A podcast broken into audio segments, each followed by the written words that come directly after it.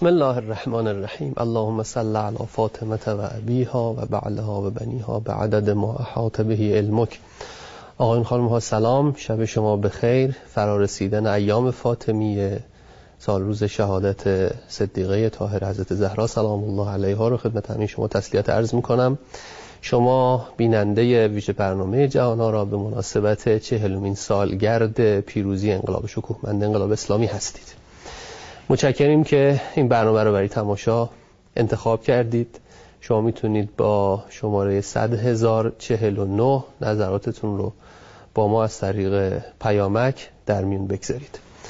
گفتگوی خواهم داشت با یک مهمان عزیز که ایشون رو از طریق این بخشی که تقدیم حضورتون خواهد شد بیشتر خواهید شناخت.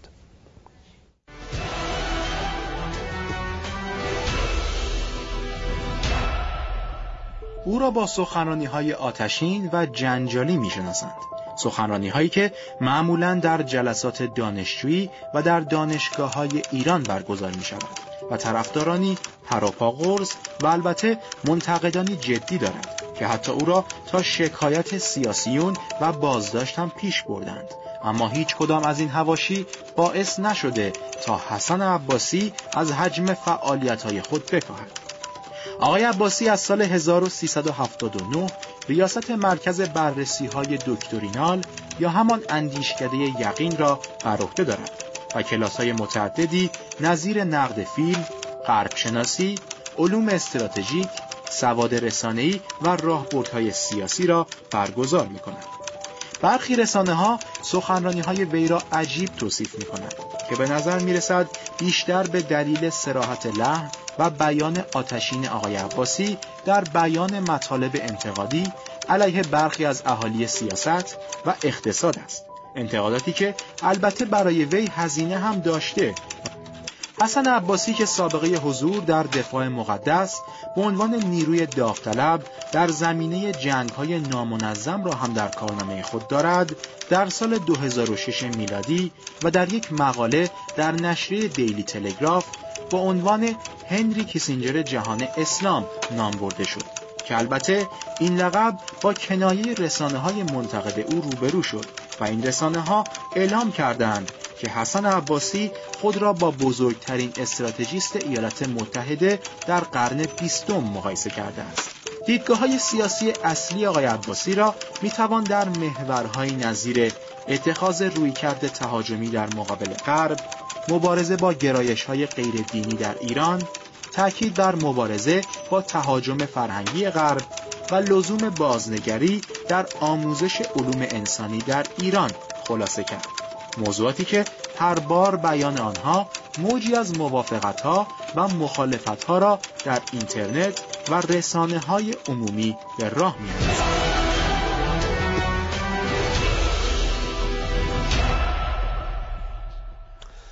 آقای عباسی سلام شب شما بخیر. خیلی خوش آمدید. می‌کنم.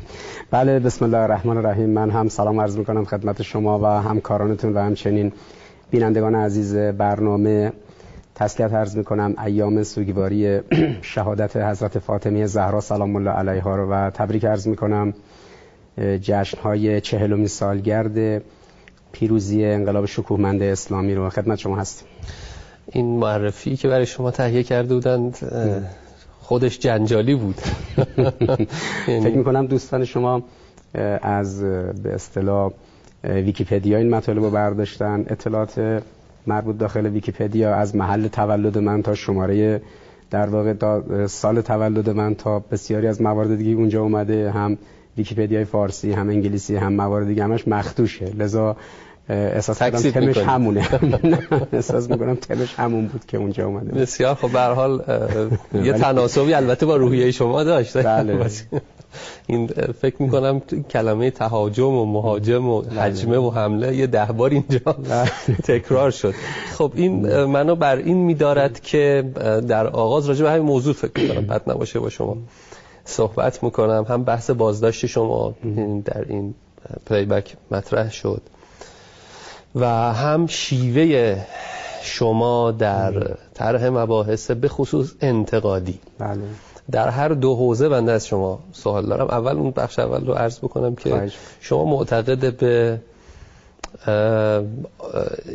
کدام چه میزان حالا اینجوری بپرسم چه میزان آزادی سیاسی به نظر شما در کشور ما بعد از چهل سال محقق شده؟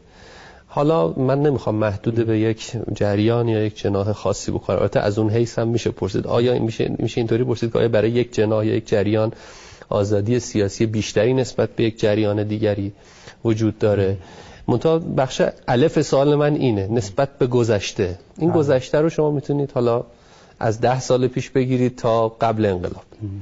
وضعیت آزادی سیاسی رو در کشور چطور بله. تلقی شما چی از اونها؟ آزادی سیاسی خب همونطوری که مستحضرید یک مفهومی است که برمیگرده به اینکه آزادی سیاسی رو در آزادی بیان ببینیم.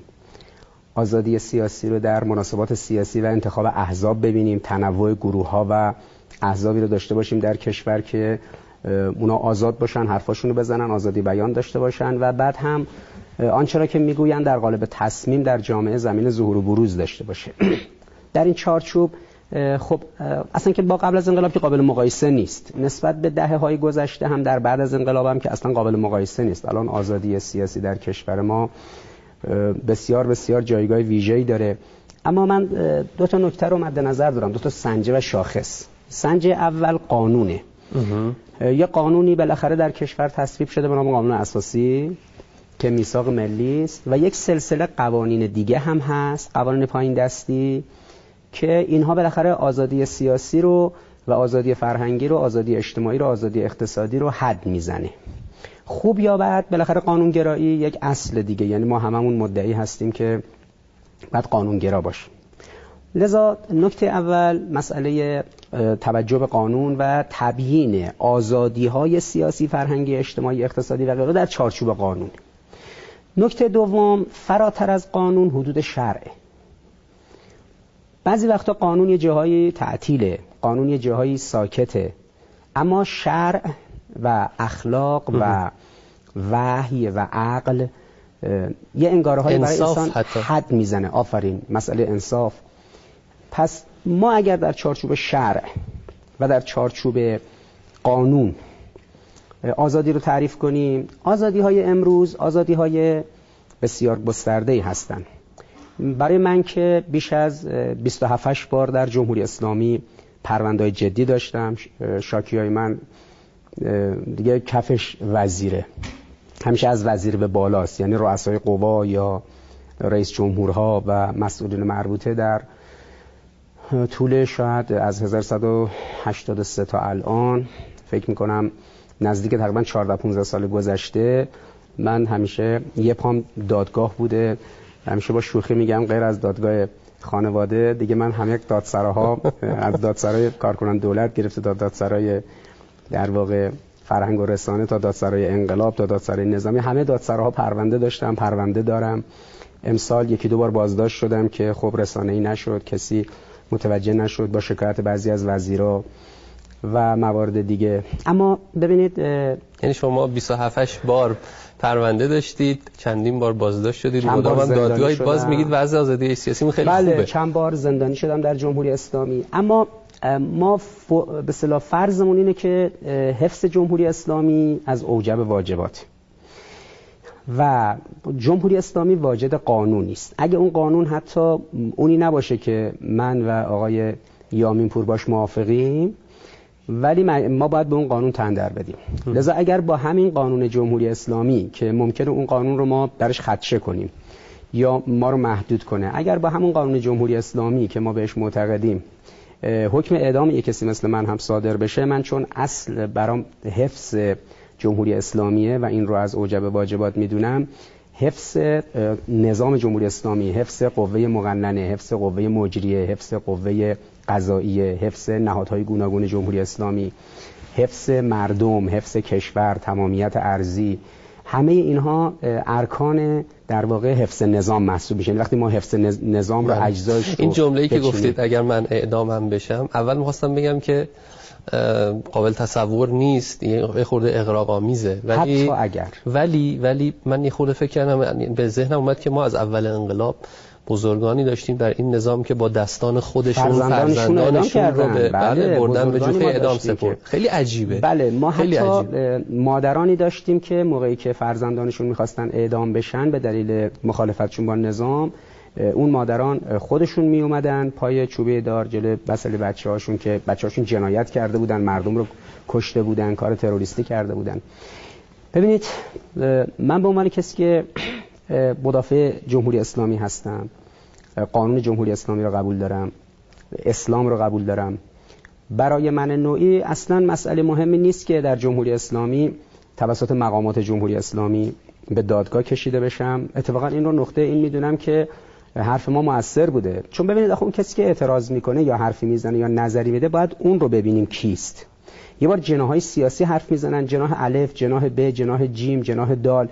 یه موضع سیاسی می‌گیره. اون موضع سیاسیش برای اینکه این جناح بره کنار اون بیاد سر کار. یعنی همیشه یه گروهی در position ن یه گروهی در opposition. یه گروه پوزیسیونن یه گروه اپوزیسیون. اینایی که داخل قدرتن در دولتن در مجلسن. یه موضع دارن در حفظ قدرت. چون تعریفشون در علوم سیاسی اینه که فن تسخیر قدرت به هر قیمت. حالا کسی که بیرونه می‌خواد بیاد قدرت رو بگیره. اونی که در قدرته می‌خواد هر جوری شده بمونه. ببینید چه اتفاقی اینجا میفته.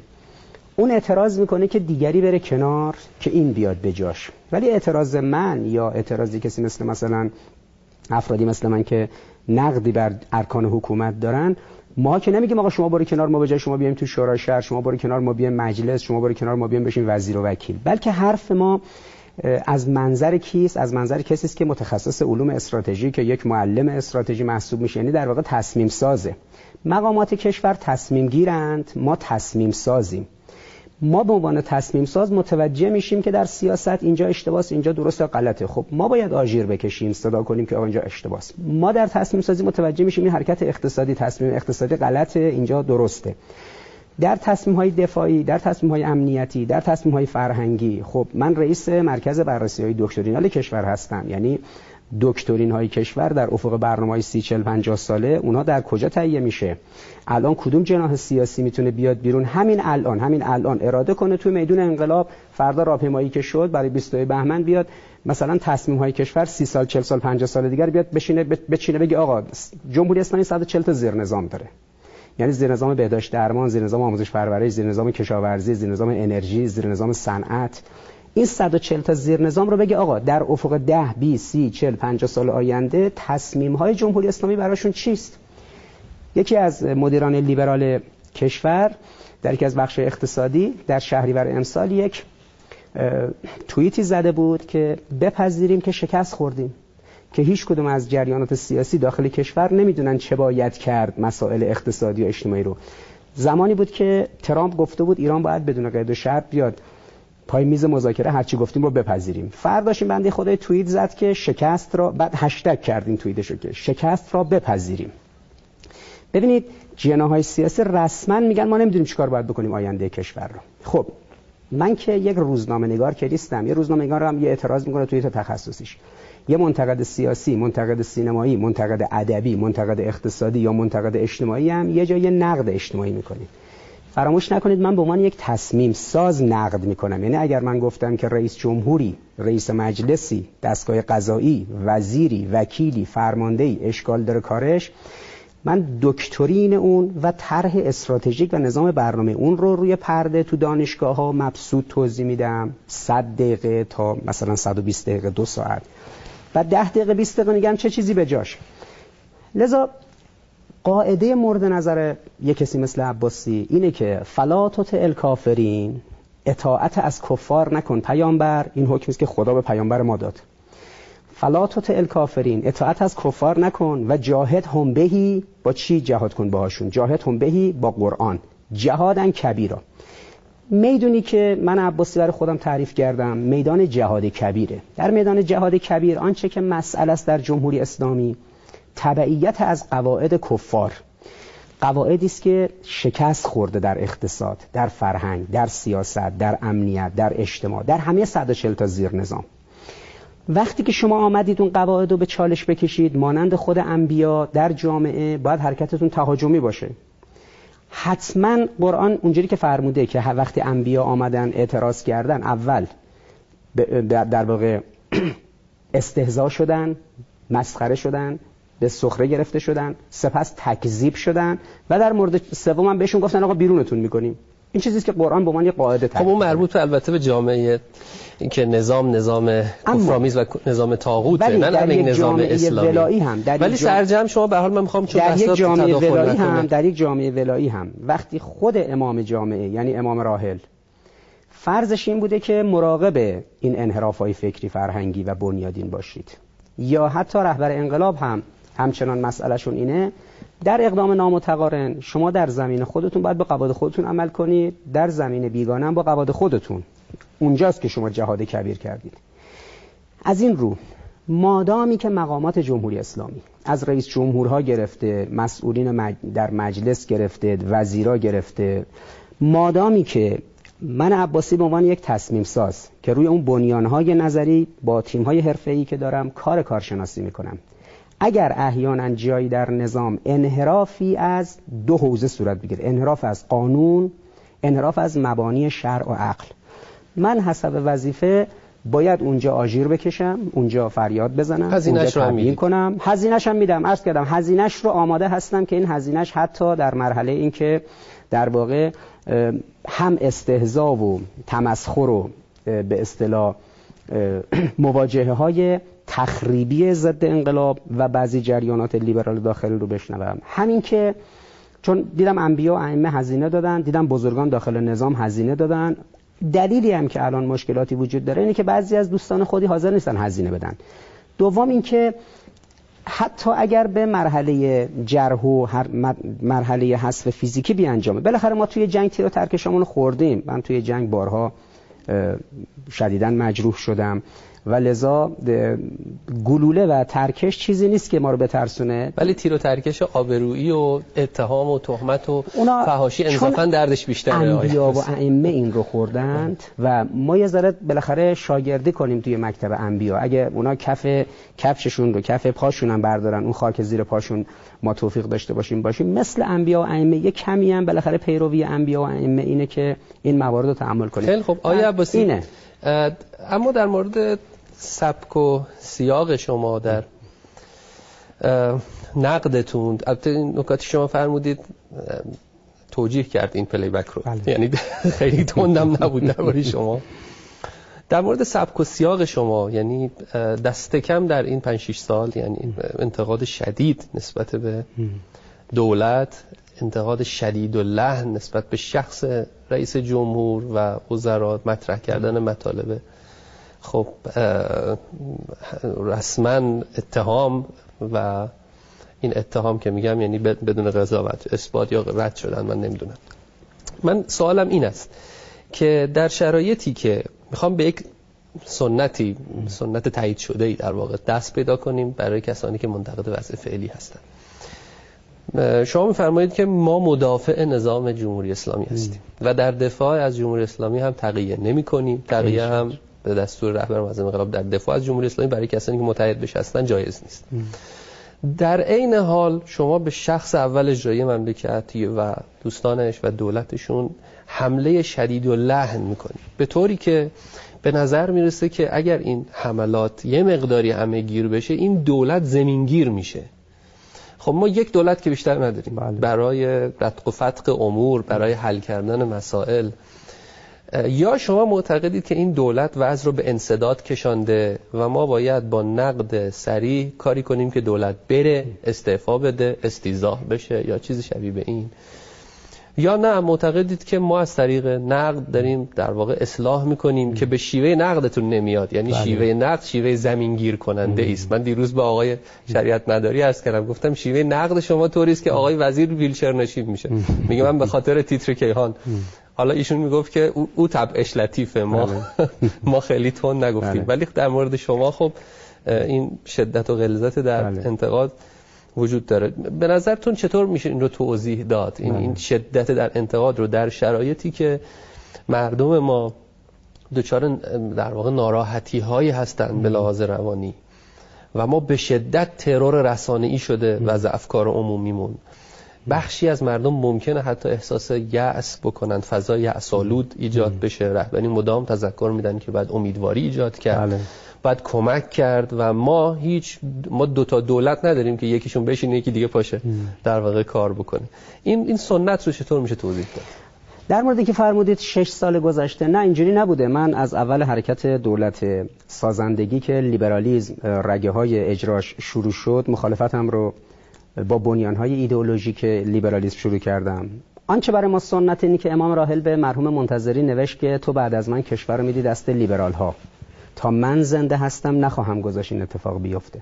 لیبرالیسم چه پدیده منحوسیه که امام راحل انقدر نسبت بهش نگرانه؟ ببینید خطر لیبرالیزم برای انقلاب اسلامی به اعتقاد من بدترین خطر و تهدیده. جمهوری اسلامی مهمترین تهدیدش فرایند لیبرالیزاسیونه یعنی اصالت اباهه. اگر در فرهنگ و سیاست و اقتصاد لیبرالیسم یعنی چی؟ یعنی نفی حرام و واجب مکروه و مستحب. مستحب همه چیز رو مباح گرفتن. بگیم آقا هیچی مکروه نیست هیچی مباح هیچی مستحب نیست هیچی حرام نیست هیچی واجب نیست. همه چیز مباهه چیزی از شریعت نمیمونه چیزی از دین نمیمونه چیزی از عقل نمیمونه. مگر جامعه غربی در لیبرالیسم به راه خوبی رفته در اخلاق و فرهنگ و سیاست و اجتماع که ما بریم. لذا من دشمنی ذاتی و ایدئولوژیکی با ایدئولوژی لیبرالیزم دارم. این رو علنی هم کردم تعارف هم ندارم. در فلاتوت الکافرین در بحث جهاد کبیر معتقدم جهاد کبیر امروز در یک کلمه خلاصه میشه. اونم نفی مطلق لیبرالیسم خب این موضوع رو تو لفافه نمیگم. علنی همیشه تو دانشگاه همه می‌دونن و خبر دارن. بالاخره من پرتیراژ ترین سخنران کشور محسوب میشم در دانشگاه کشور سالی متوسط 300 تا برنامه دارم بیش از 5500 تا نزدیک 6000 برنامه دانشگاهی در نزدیک 30 سال گذشته داشتم این نه فقط در داخل کشور که در سراسر جهان یک رکورد محسوب میشه. ولی این مسئله سر این بوده که اولا جمهوری اسلامی مهمترین تهدیدش لیبرالیسم. من نمیگم شخص امام راحل میگه و شخص مقام معظم رهبری تو بیاناتشون هست. دو در دوره سازندگی لیبرالیزم شروع شد کارش. لیبرالیزم اقتصادی شروع شد به لیبرالیزم فرهنگی انجامید در دوره اصلاحات در سال 76 لیبرالیزم سیاسی معرفتی در قالب پلورالیزم دینی و نمی‌دونم بحث دیگه شروع شد. در دوره دولت مهرورز و غیرو ما از مکتب نئوکینزیان دوره سازندگی در اقتصاد افتادیم. دست جریان به اصطلاح مکتب شیکاگویی و جریان اقتصادی مدل فریدمنی که باز اونجا من فریاد زدم حتی توی تلویزیون بارها داد زدم و انحرافاتی که بود در دوره اخیر دوباره همینا دنبال شد. شما بفرمایید کدوم یکی از نقدهایی که ما به مقامات کشور به هر چهار تا رئیس جمهور دوره قبلی ما به این خیلی از این رئیس جمهور رأی دادیم. یعنی من دو بار با آقای هاشمی رأی دادم دو بار با آقای احمدی نژاد در رأی دادم یک بار با آقای ناطق نوری رأی دادم یک بار به احمد توکلی رأی دادم یک بار به آقای جلیلی رأی دادم یک دو بار به مقام معظم رهبری که رئیس جمهور بودن رأی دادم یک بار به آقای رئیسی رأی دادم. رأی من شفافه. اما آقای هاشمی رو که من بهش رأی دادم خب من به آقای هاشمی نقد کردم خب کارمون کشید به دادگاه. ما با آقای احمدی نژاد رأی دادیم. نقدشون کردیم. دو سال آخر دوره آقای احمدی نژاد من ممنوع ورود به دانشگاه تهران بودم. به دانشگاه تهران یعنی رئیس دانشگاه تهران رسما مصاحبه کرد رسما توی خبرگزاری فارس که فلانی ممنوع ورود به دانشگاه تهران. دو سال آخر آقای احمدی نژاد. چرا؟ چون من می‌گفتم سیاستی که آقای احمدی نژاد در کار اقتصادی داره اجرا می‌کنه مشکل این چنینی داره. اگر ما درباره مذاکرات هسته‌ای موضع گرفتیم و شخص رئیس جمهور 54 تا نسبت ناروا به ما داد. هفته گذشته آقای ظریف رفتن مجلس با شدیدترین وجهی که شما از آقای ظریف به عنوان یه فردی که آرام بوده و باید برخورد دیپلماتیک کنه شما بسیار عصبانی. ایشون رو دیدید که با لحنی بسیار تند به آمریکا توپید و بعد به نمایندگان مجلس گفتش که آقا آمریکا قابل اعتماد نیست و در حد اینکه اون جوهر مثلا اگر یه چیزی رو بنویسه در حد جوهر اون روان نویسش هم بهش اعتقاد نداره. این حرفا رو ما پنج سال پیش می‌زدیم. منتهای مراتب آیا هر کسی دیگه هم آقای یامین پور با همین لحن رفت گفت مورد تاییده؟ چون آقای عراقچی آقای ظریف آقای روحانی آقایون در بخش های مختلف بالاخره معتقدن که نظر کارشناسی دارن در مذاکرات. من حرف کارشناسی زدم. دانشگاهی نیست که شما برید بپرسید بگن عباسی روی پرده یک نموداری رو به نام یوترن یعنی دور برگردون چرخه مالی نشون نداد. گفت به دلیل اینکه آمریکایی‌ها این رو ابقا نخواهند کرد مذاکرات به نتیجه نمی‌رسه. آقای ظریف بعد از این در... که مذاکرات سال 94 انجام شد سال 95 رفت اتاق بازرگانی در دهه فجر. اونجا وقتی بخش خصوصی گفتن که چی شد ما نمی‌تونیم السی باز کنیم هزار یک مشکل داریم روزنامه تیت زدن. از قول آقای ظریف ایشون فرمود که ما درباره یوترن اصلا مذاکره نکردیم. پس ببینید اگر من یه جایی فریادی زدم صرف این نبوده که می‌خواستم دولت رو زمینگیر کنم. می‌دونستم دولت بعد پنج سال کارش به اینجا می‌کشه. یه روزی مقام معظم رهبری فرمود آقا نظر منتقدین رو گوش کنید. آقای عراقچی ورداشت چهار تا خبرنگار خبرگزاری ها رو برداشت برد اونجا که مثلا آقا ما به حرف رهبری هم گوش کردیم. آقا ما نهاد تصمیم سازیم. اگر یک نهاد تصمیم سازی رو شما نگاه نکنید به تصمیم هایی رو که داره اونور دنیا کار میشه ما رصد می‌کنیم. میگیم آقا مبتنی بر این تصمیم ها این اتفاق می‌تواند بیفتد. نظام گوش نکنه به اون تصمیم ها مردم دارن میشنوند یعنی اون جوان تون دانشگاه 120 دقیقه میشینه پای پرده ما اون مطالب رو پخش می‌کنیم. مقام مسئول در حد 10 دقیقه 12 دقیقه نمی‌خواد اون حرفو بشنوه. خب بعد جامعه قضاوت می‌کنه می‌بینه ما اون روز گفتیم. یه روز من تو دانشگاه امیرکبیر سه ماه قبل از تصویب برجام. کلیپش تو فضای سایبر هست. خط کشیدم تو دانشگاه امیرکبیر خط کشیدم رو میز. گفتم دانشجو ببینید این یک این دو. من همه آبروی علمیم رو می‌ذارم روی میز. آبروی علمی منم آبروی کمی نیست دیگه. چون من تنها کسی هستم که توی تهران ده میلیونی کرسی نظریه پردازی ثابت دارم. مسئول کرسی نظریه پردازی شورای عالی انقلاب فرهنگی پارسال مصاحبه کرد گفت 70 هزار تا استاد داریم. اگر هر کدوم از هزار نفر استادامون یه دونش کرسی ثابت داشت الان ما 70 تا کرسی یعنی بر به ازای هر هزار نفر هیئت علمی. به عنوان بزرگترین کلاس کشور با بیش از چند هزار نفر دانشجو کرسی نظریه پردازی که موسوم به کلبه کرامت در طرزی استراتژیک در افق 14 14 14 44 هست. این بزرگترین کرسی نظری تو پستو هم نیست. مطالبش توی فضای سایبر همه دیویدیاشو خبر دارن و می‌تونن از طریق دیویدیاش ببینن. منی که بلند شدم اومدم گفتم آقا جان این آینده این مذاکرات اینه آبروی هسته آبروی خودم رو تو مسائل علمی می‌ذارم جوان دانشجو در دانشگاه امیرکبیر. این یک این دو. آقایون سه چهار ماه دیگه در برجام به تصویب میرسونن کار رو. دو سال بعدش جمع بشید در همین تالار تو دانشگاه امیرکبیر من اینجا آبرومو می‌ذارم. اگر ما ولایت فقیه رو برداریم قاسم سلیمانی رو از سوریه برگردونیم حجاب از سر زنامون برداریم سفارت رژیم صهیونیستی رو دوباره اینجا ابقا کنیم جمهوری اسلامی رو برگردونیم به حکومت سلطنتی مراودات ما با غرب یکی بشه تاثیرش در اقتصاد ما 5 درصد بیشتر نخواهد شد. الان سه سال از اون روز داره میگذره. همه رسیدن به حرفای ما. این حرفا مالی آدمی نیست که همینجوری از راه رسیده باشه یه ژورنالیست باشه بزنه. این حرفا مبتنی بر یک نظام تصمیم سازی حرفه‌ایه در تفکر استراتژیک. متاسفم من اصلا برای من مهم نبود که دولت چه می‌شود. مهم برای من این بود که مردم فردا ضرر می‌کنن.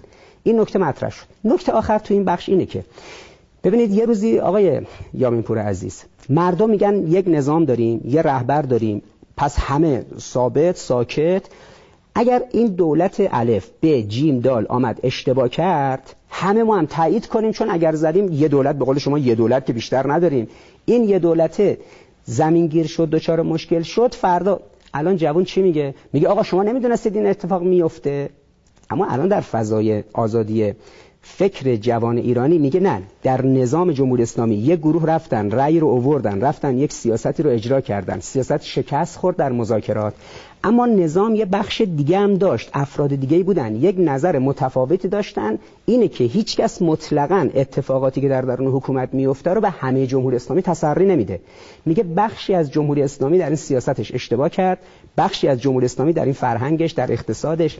این تنوع در درون نظام اگه بخواد قرار باشه پذیرفته بشه باید این چارچوب دیده بشه. ما اون سیستم آژیر رو فراموش نکنیم. هر قد میزان انحراف نهادهای اقتصادی، سیاسی، فرهنگی، اجتماعی، دفاعی، امنیتی بیشتر باشه شدت آژیر ما باید بیشتر باشه.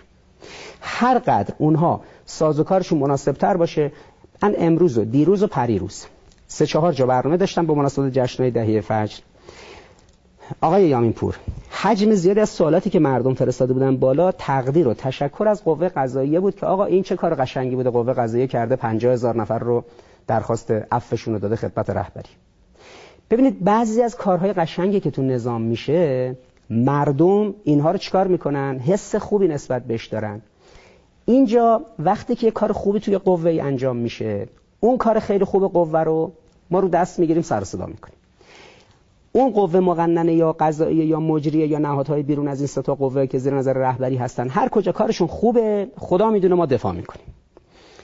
و می ایستیم دفاع می‌کنیم نه به عنوان اونها به عنوان نظام. یه جایی کار انحراف داره ما باید پاسخگوی مردم باشیم. یقه ما دست مردمه.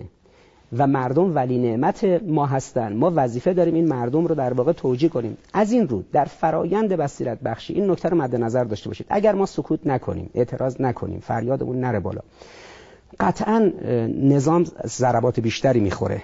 ببینید نکته من کلی ارز کنم که شما اگر انحراف رو جدیتر و عمیق‌تر ببینید آژیر بلندتر خواهد خب ببینید نظام بانکی ما ربوی. یعنی ما اون سنت رو که گفتید اینجوری سنت آره، رو بشناسید نظام ما ربوی. اگر بریم تو بحث ربوی نه نه مثال شما علاقه نه نه نه ببینید من می‌خوام بگم نظام ما ربویه. این نظام رو امام فرموده اگر در بانک ما ربا بماند جمهوری ما اسلامی نیست. درست شد؟ وقتی در بانک ما ربا بماند جمهوری ما اسلامی نیست. متوسط سالی 50 تا 70 بار مراجع ازام تقلید در قم دارن فریاد می‌زنن. صداشون به جایی نمی‌رسه دیگه. اینا همون مراجعی هن که زمان میرزای شیرازی وقتی تو نجف یکیشون فریاد می‌زد تو خونه ناصرالدین شاه قلینا رو میشکستن زنای ناصرالدین شاه. اگر من حرف این مراجع تقلید رو انعکاس ندم و ضریب ندم کی باید این کارو بکنه؟ این تقسیم کار حضرت آقا فرموده دیگه. ایشون روز 17 6 1190 در دیدار خبرگان رهبری فرمود مسائل آن به آن نوشونده در نظام مطرح میشه. کی متکفل این فقه؟ شما در قم کرسی های آزاداندیشه فقهی بگذارید. این مسائل آن به آن مطرح شونده نو رو پاسخ بدید. بدید دست دانشگاهی ها و روشن را ببرن به مردم و جوان برسونن. عین جمله ایشون. تقسیم کاره. یعنی اگر یک جایی مرجع تقلیدی بلند شد درباره معرفت توحیدی درباره مثلا ساختار فلان حکم جدی حرفی زد درباره ربا حرف زد درباره هر چیزی گفت. او فقط وظیفه داره تولید کنه یک بار انعکاس بده. انعکاس عمومیش در عرصه اجتماعی به عهده ماست. اگر اینجاست خب میگن آقا سیستم بانک مرکزی میاد میگه آقا شما چرا دارید ما رو تخریب می‌کنید؟ من دارم میگم آقا تفا... شما داری از منظر کارنسی میگی ارزش پول اینجوری میشه. فقیه داره از منظر کلمه مانی میگه. من گفتم بریم تو بحث ربا بیرون نمیایم آقای لذا بحث این نیست که واقعا ما بخوایم دولت رو زمینگیر کنیم. بحث, بحث ما نیست که واقعا دولت برای بعد اگه اجازه آره. بدید. چون خیلی هم از وقتمون نمونده. شما ماشاءالله تو هر فرعی که وارد میشید اون رو تبدیل می‌کنید به یک برنامه. خب اینم به خاطر حضور ذهنتون و انرژی زیادتون بود تا من تازه داشتم مقدمه چینی می‌کردم شما. ماشاءالله تا اینجا بحث رو کشوند البته لابلای مباحث دو سه تا سوال من دارم. پاسخ بدید یک تنفسی اجازه تنفسی بگیریم از اتاق فرمان و بازگردیم. 100049 رو هم یادتون باشه. 1 5 تا 049 می‌تونید پیامک بزنید نظر خودتون رو درباره برنامه و بیانات جناب عباسی بفرمایید.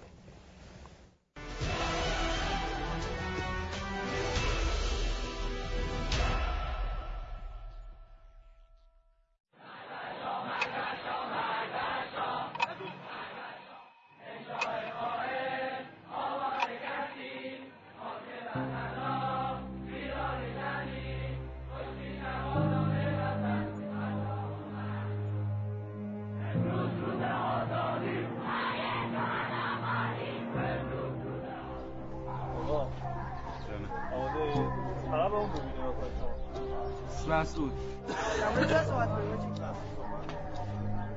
دور بده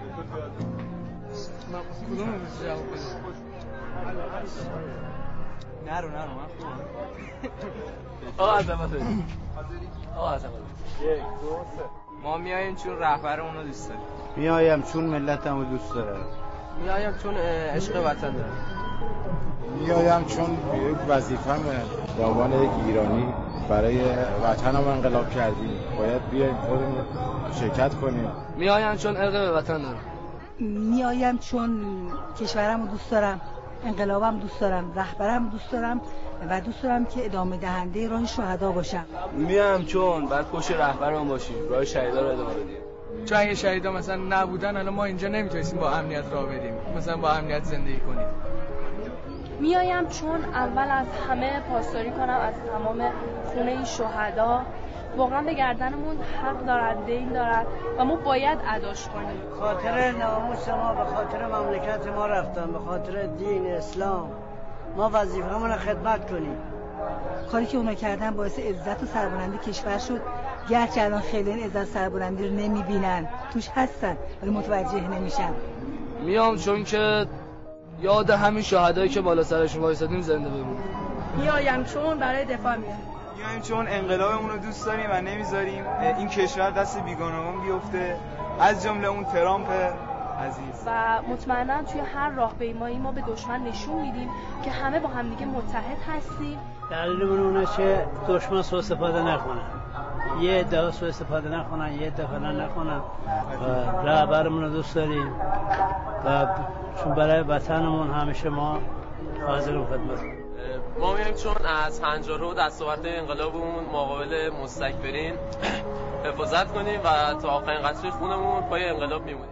میایم چون آمریکا نتواند کاری بکنه میایم چون می‌خوام از رهبرم دفاع بکنم و پشت جمهوری اسلامی بیستم. میایم چون می‌خوایم به تمام جهان نشون بدیم انقلاب اسلامی پایدار همیشه پایدار است و ما این انقلاب تا آخر قطره خون نگه میداریم. می‌خوام این ادامه پیدا کنه. برای اون میام حتما هم میام. با فرزندانم. انشالله ایران از حق خودش دفاع می‌کنه. ما تا آخرش هستیم.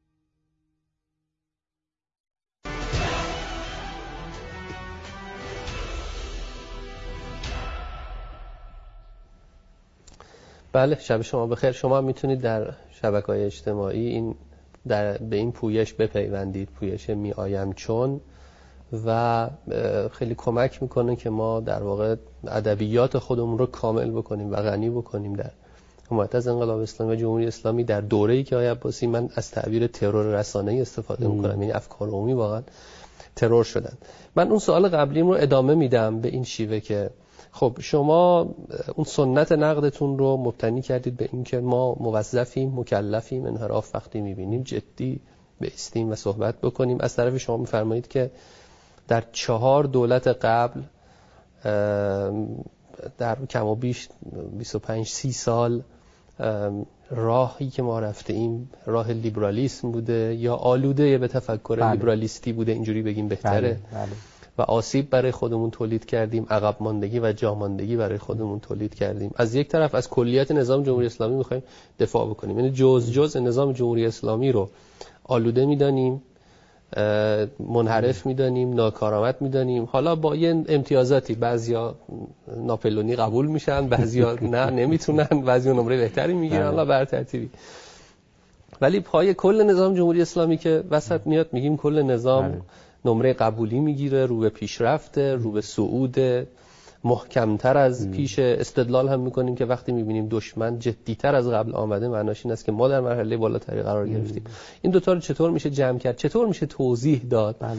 به دانشجویی که سر کلاس از ما می‌پرسه شما بعد از شهادت شهید رجایی به این ور همه رئیس دولتاتون رو نقد می‌کنید و باشون مشکل دارید. بله. بعضیشون فتنگرن بعضیشون همراه سمپات فتنه هستن بعضیشون ریزش کردن یا هر چیزی. بله.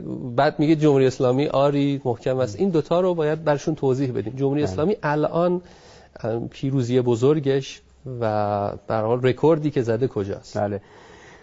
این نکته رو اصلاح کنم که وقتی ما از نقد سخن میگیم حتی در تلقی فلسفی خود غربی هم. غربی ها میگن رویکرد critical رویکرد analytic و رویکرد doctrinal. رویکرد انتقادی رویکرد تحلیلی رویکرد تبیینی.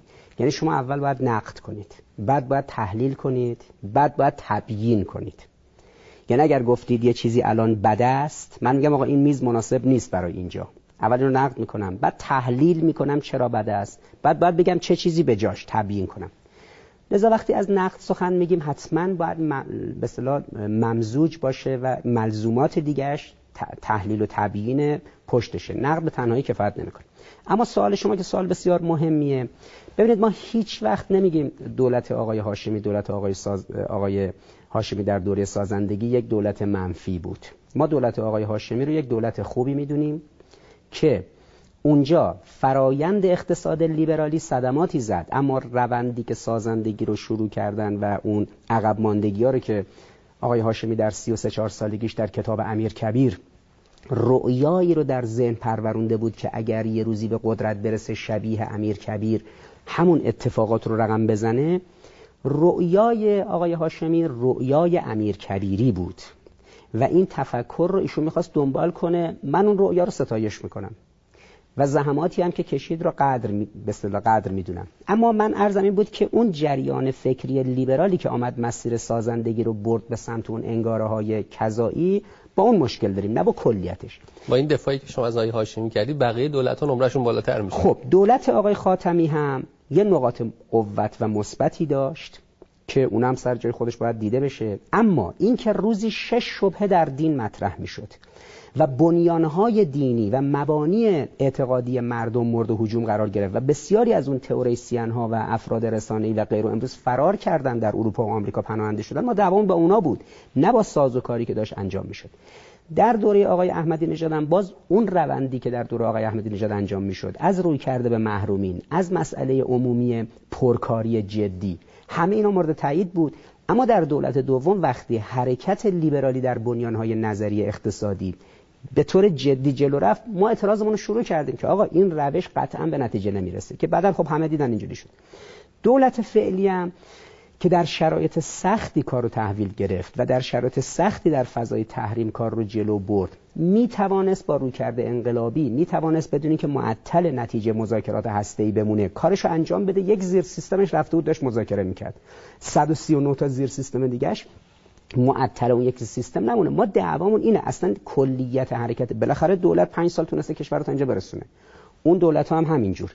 جمع عمل اینها شده اینجا. اما بالاتر از رؤیای آقای هاشمی در کتاب امیر کبیر بالاتر از رؤیای آقای خاتمی در اون کتاب به اصطلاح یک کتاب در مورد جامعه مدنی نوشت شهر به دنیا و غیره اون دولت شهر رو اومد بررسی کرد.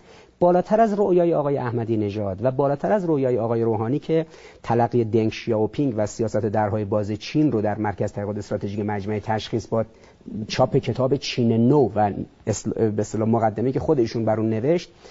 ما علیرغم همه اینا یه رویای سطح بالاتر داشتیم. رویای کلان جامعه ما رویای حضرت آقا بود که در 35 سالگیشون در کتاب طرح کلی اندیش اسلامی نگاهی به تمدن نوین اسلامی به عنوان یک پلن کلی در دراز مدت داشت. یعنی همه نقشه هایی که دولت ها داشتن و همه رویاها منحل در یک رویای بالا دستی شده. بالا دستی شده. که پایه این رو هم امام گذاشتن. امام اول مسئله تمدن نوین اسلامی رویای جمهوری اسلامی و رسیدن بله. به تمدن اسلامی. یعنی اون پنج مرحله رسیدن به تمدن اسلامی. هر کشوری رویا داره کشوری که تمدن ساز بشه رویا داره. امریکن دریم رویای آمریکایی. الان چینه دارن روی پروژه کار می‌کنن. چاین استریم رویای چینی. ما رویای ایرانی اسلامی رو. در نگاه امام و آقا دیدیم دولت ها آمدن سعی کردن به اصطلاح کار کنن کار هم کردن دستشون درد نکنه اما یه جاهایی داشتن تعارض پیدا می‌کردن. ما نقدمون این بوده. اما این نکته شما که دستاورد کلی چی بوده؟ الان دستاوردهای فنی و صنعتی و تجهیزاتی و سوخرسانی و برقرسانی و جاده کشی و تکنولوژی و موشک و پوشک و همه رو داریم فهرست می‌کنیم. کار خیلی خوبی هم هست. نسل ما بداند نسل جوان بداند که 40 سال گذشته چه اتفاق افتاد. اما مهمترین دستاورد جمهوری اسلامی دستاوردش در حوزه علوم انسانیه. ببینید در حوزه علوم انسانی قوی ترین سازوکارهایی که شما می‌تونید نگاه کنید. الان آقای ژنرال ماتیس چهار ستاره با 7 تریلیون دلار چون علوم نظامی تابع علوم انسانیه دیگه. شکست خورد در سوریه و عراق. آقای ترامپ گفت 7 تریلیون دلار به این دادیم شکست خورد. ما چقدر به ژنرال دو ستاره یعنی قاسم سلیمانی داده باشیم در سوریه و عراق که پیروز شده باشه؟ این یک نمونهش. ما در سطح کلان نهاد ولایت فقیه به عنوان یک معلفه ممتاز در نوع حکومت در جمهوری اسلامی. می‌دونید الان چین رفت به سمت اینکه ساختار حکومتش رو مادام العمر کنه. ترکیه داره به این سمت میره. روسا به این سمت میرن. آمریکایی‌ها دارن روی این زمینه خودشون چند تا پایانامه پست دکترا فرستادن اینجا که ما درگیر راهنماییشون بودیم. باز دغدغه‌شون همینه که مدل ولایت فقیه چجوری می‌تونه سکیولار بشه. مبسوط روی این موارد بحث کردیم. ببینید مسئله نهاد ولایت فقیه به عنوان یک نظریه مترقی در علوم انسانی امروز مطرحه. این هزاران بار مهمتر از موشک و نمی‌دونم انرژی اتمی و موارد دیگه است که به چشم میاد. در مدیریت دفاعی به همین نسبت در مدیریت اجتماعی. در عصری که سلبریتی ها به عنوان انسان تراز جامعه لیبرالی مطرحن. یه روز مارکسیستا می‌گفتن انسان تراز ما ارنستو چگوواراست همه جای دنیا هم عکساشو می‌زدن همه می‌خواستن اونجوری بشن. لیبرالیزم مثل مارکسیسم انسان قهرمان نمیده سلبریتی میده. در فوتبال در ورزش در سینما در هنر در سیاست سلبریتی بودن میشه انسان تراز لیبرالیسم. در موج جهانی لیبرالیزم در این سلبریتی پروری مهمترین دستاورد جمهوری اسلامی چیه؟ جوانانی مثل محسن حججی. ببینید اساس ایدئولوژی ها رو چجوری شما مقایسه می‌کنید؟ با انسان سازی آنچه را که اندیشه مارکسیزم می‌تونه بسازه یعنی لیوان رو. و لیبرالیزم هم بتونه بسازه فاشیزم هم بتونه بسازه نازیسم هم بتونه بسازه من مسلمانم بسازم که ارزش نیست. من هم مثل اون اندیشه های غیر دینی می‌تونم لیوانو بسازم. اما مهم اینه که وچه تمایز من مسلمان اینه که چه چیزی بسازم که اونا نتوانند بسازن. محسن حججی پروراندن. آیت الله العظما بهجت رضوان الله تعالی علی پروراندن. این هنر اسلامه. این هنر لیبرالیزم و مارکسیزم و انگاره های مدرن دیگه نیست. کارنامه جمهوری اسلامی در این هیته یک کارنامه موفقه. تنها جامعه که امروز می‌تونه به جهان مدل انسانسازی حرفه ای رو که الهام بخش باشه بده ما هستیم. بله ما مثل اون برای دنیا سلبریتی داریم اونا دارن ما هم داریم. ما بدلیشو داریم. اونا مثلا فرض کنید لیونل مسی دارن. ما تلویزیون جمهوری اسلامی افتخار می‌کنه که شبیه لیونل مسی رو برمی داره میاره مثلا هر روز براش برنامه می‌ذاره اینها. محصول تلویزیون جمهوری اسلامی شبیه لیونل مسیه. چون لیونل مسی رو تلویزیون جمهوری اسلامی نشون داده شبیهش میشه این. اما زمانی که محسن حججی شهید شد و تازه فیلمش هم خود داعش می‌گیره پخش می‌کنه. یعنی فیلم اونم تا موقع تلویزیون ما نگرفته اولا میاد تو شبکه های اجتماعی بعد تلویزیون پخش می‌کنه. پس جمهوری اسلامی مادامی که می‌تواند جوانان رشیدی بپروراند که 2300 تاش اخیرا توی سوریه رفتن توی این چند سال گذشته شهید شدن یا در دفاع مقدس اون 220 هزار نفر انسان تراز تربیت کردن شاهکار جمهوری اسلامیه. اینه که جمهوری اسلامی در وجه علوم انسانیش به خصوص انحرافاتی که در مسئله علوم انسانی تسلیسی بود اینا رو زدود و امروز داره به سرعت میره به سمت علوم انسانی توحیدی. اینها شاهکارهای جمهوری اسلامی است. من این نکته موقع به دانشجوها می‌گفتم. می‌گفتم ببینید که در فضای دیپلماسی یه اتاق کوچیک حضرت آقا توی مجموعهشون دارن که این مردم تو تلویزیون می‌بینن که این بزرگان سران کشورهای جهان میان دیدار ایشون. 470 بار تو اون اتاق سران جهان اومدن دیدار ایشون. یه تصویر شما تو تلویزیون می‌بینید. حضرت آقا نشسته سمت راست. پرچم جمهوری اسلامی یه عکس امام هم هست. یه اتاق ساده. سه بار فقط سه تا از سران به اصطلاح دبیر کلای سازمان ملل اومدن. یعنی سه تا دبیر کل سازمان ملل. 470 تن از سران جهان آمدن. متن مذاکراتی که بین اون سران با شخص امام جامعه بوده و ایشون چه جوابایی داده. اینو شما وقتی الان کنار هم می‌بینید در دیپلماسی علوی یک ادبیات جدید دیپلماتیکه. اینو ما دو سال پیش که جنبندی کردیم توی مرکز در پروژه دیپلماسی علوی و جوانبش رو انجام دادیم حیرت انگیز بود که در این چند صد تا دیدار نکاتی که رد و بد شده بیش از 7 ده واحد درسی در دیپلماسی در علوم انسانی در دیپلماسی مبتنی بر قاعده نفی سبیلا که خدا برای به اصطلاح کفار راهی قرار نداده که بر مؤمنین سیطره داشته باشن و اونا رو تحت سلطه خودشون بگیرن. شما ببینید این تولیدات جمهوری اسلامی است که حرف اصلی است. پس اون رؤیای کلی رؤیای ایرانی اسلامی که اخیرا رهبری در قالب پروژه 1444 46 سال دیگه پروژه قرن جدید انقلاب اسلامی. ما کمتر از 800 روز دیگه وارد سال 1400 میشیم. پروژه قرن جدید انقلاب اسلامی که تا سال 1444 انشالله رقم می‌خوره. چون انقلابی که سال 57 شد انقلابی بود که شد. ما الان درگیر انقلاب دیگه هستیم که در حال شدنه. یه انقلاب هم که انشالله می‌شود موقع ظهور. انقلابی شد. انقلابی که می‌شود انقلابی که در واقع در حال شدن هست. ما در این انقلابی که تمدن سازی نوین اسلامی است اون حرکت کلی رو مبتنی بر نگاه امام و نگاه شخص رهبری می‌بینیم. اون رؤیایی که امام در کتاب ولایت فقیش داشت و رهبری در کتاب طرح کلی اندیش اسلامی. زیل این رئیس جمهورها دولتها جناها میان حرکت های انجام میدن. ما هم ازشون قدردانی می‌کنیم هم تشکر می‌کنیم هم حرکت چل سالی نظام را حاصل زحمات همین دولت ها می‌دونیم. اما در دو دعوی که ما داریم میگیم آقا گارد ریلای کنار اتوبان چه می‌کنه؟ میگه شما اگه بیای بخوری به این گارد ریل میفتی توی دره. دولت الف دولت ب دولت جیم. ما این سنسورهای کنار این جاده ایم. اگر خوردید به این گارد ریل پرت میشه تو دره. ما می‌خوایم که شما نیفتید تو دره. مگه خوب شد دولت آقای بازرگان افتاد توی دره؟ مگه خوب شد بنی صدر با چادر فرار کرد؟ خوب شد بعضی از رئیس جمهورها امروز در جمهوری اسلامی مثلا فرار کردن یا بعضشون حسرن اینن اونن. بلکه ما میگیم آقا اگر در این چارچوبی که قانون ترسیم کرده چارچوبی که مبانی اسلام گفته و چارچوبی که رؤیای کلان تمدن سازی نظام در این دالان آینده ترسیم کرده برای منافع ملی و سازوکار اجتماعی اگر در این چارچوب حرکت کنید اشکال داره. باور کنید ما هیچ وقت نمی‌خوایم بیایم رقابت کنیم تو هیچ انتخاباتی جای شماها رو بگیریم. ما رو فقط به عنوان این گارد ریلای دو طرف اتوبان نگاه کنید که اگر به ماها توجه نکنید بخورید به ما میرید میفتید توی دره.